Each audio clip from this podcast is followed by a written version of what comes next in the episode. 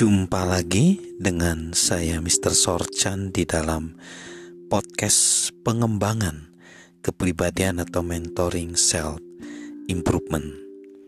Saat ini kita masuk pertanyaan ke-8 tentang pertanyaan dalam rangka membuat kita baik dalam orang lain. Pertanyaan tentang teladan. Bagaimana saya bisa melayani orang-orang dengan cara yang bisa menginspirasi mereka untuk melayani orang lain.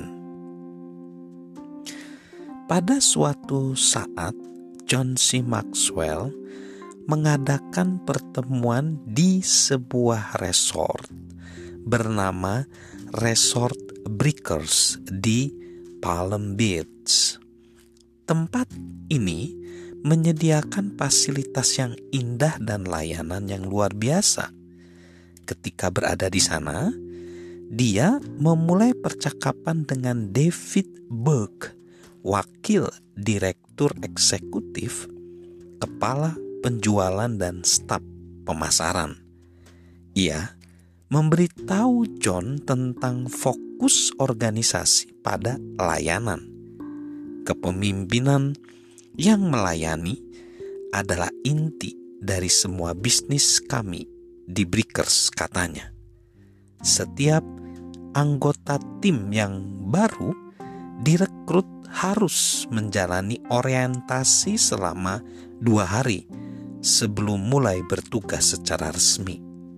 Setengah hari menjelang akhir orientasi, karyawan baru akan mendampingi eksekutif senior untuk memberikan pelayanan terhadap masyarakat selama 4 hingga 5 jam di salah satu organisasi di sekitar daerah tersebut.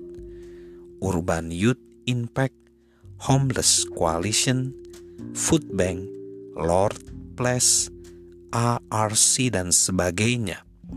Kami tidak hanya melayani para tamu, tetapi juga komunitas dan saling melayani di antara kami. Kami menggaji para karyawan yang menggunakan hari libur mereka untuk melakukan pelayanan masyarakat. David mengatakan dirinya percaya bahwa apa pun yang mereka lakukan untuk masyarakat akan menjadi warisan mereka, dan itu adalah penting daripada pendapatan finansial. John menyukai ini.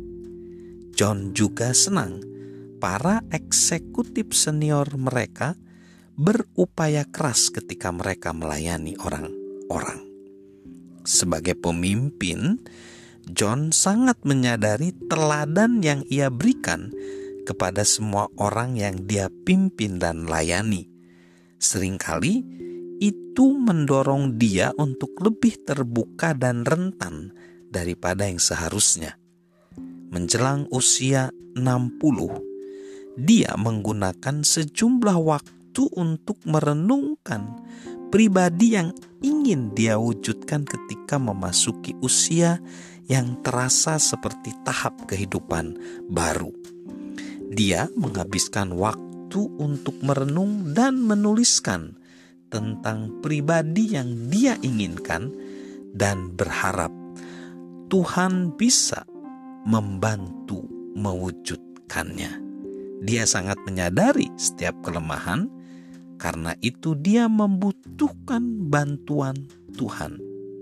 Walaupun ini adalah tulisan yang bersifat pribadi, tetapi dia mau membagikannya dan mengungkapkan perjuangan pribadinya. Doa atau renungan pada usia 60 seperti ini. Tuhan, seiring pertambahan usia, aku ingin dikenal sebagai pribadi yang bersedia melayani, bukan pekerja keras Berbelas kasih bukan sekedar kompeten.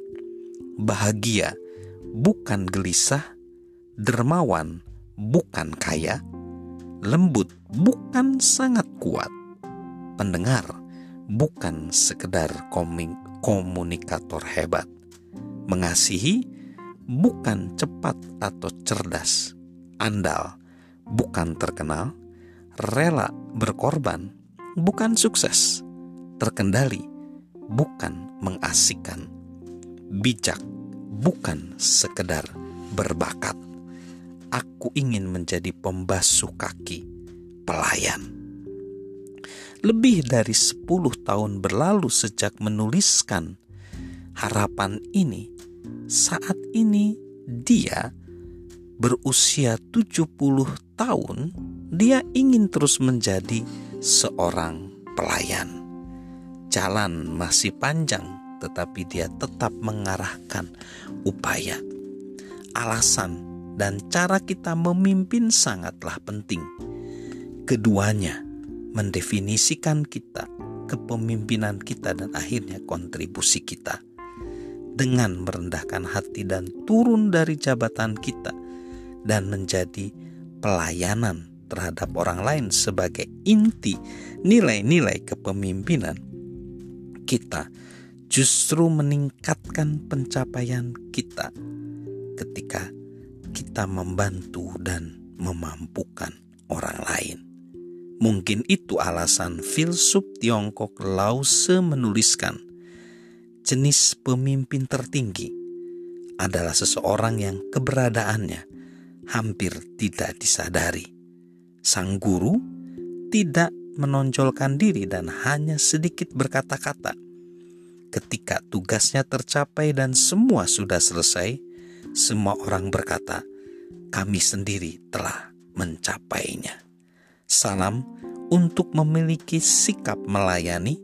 Salam sukses luar biasa dari saya, Mr. Sorchan.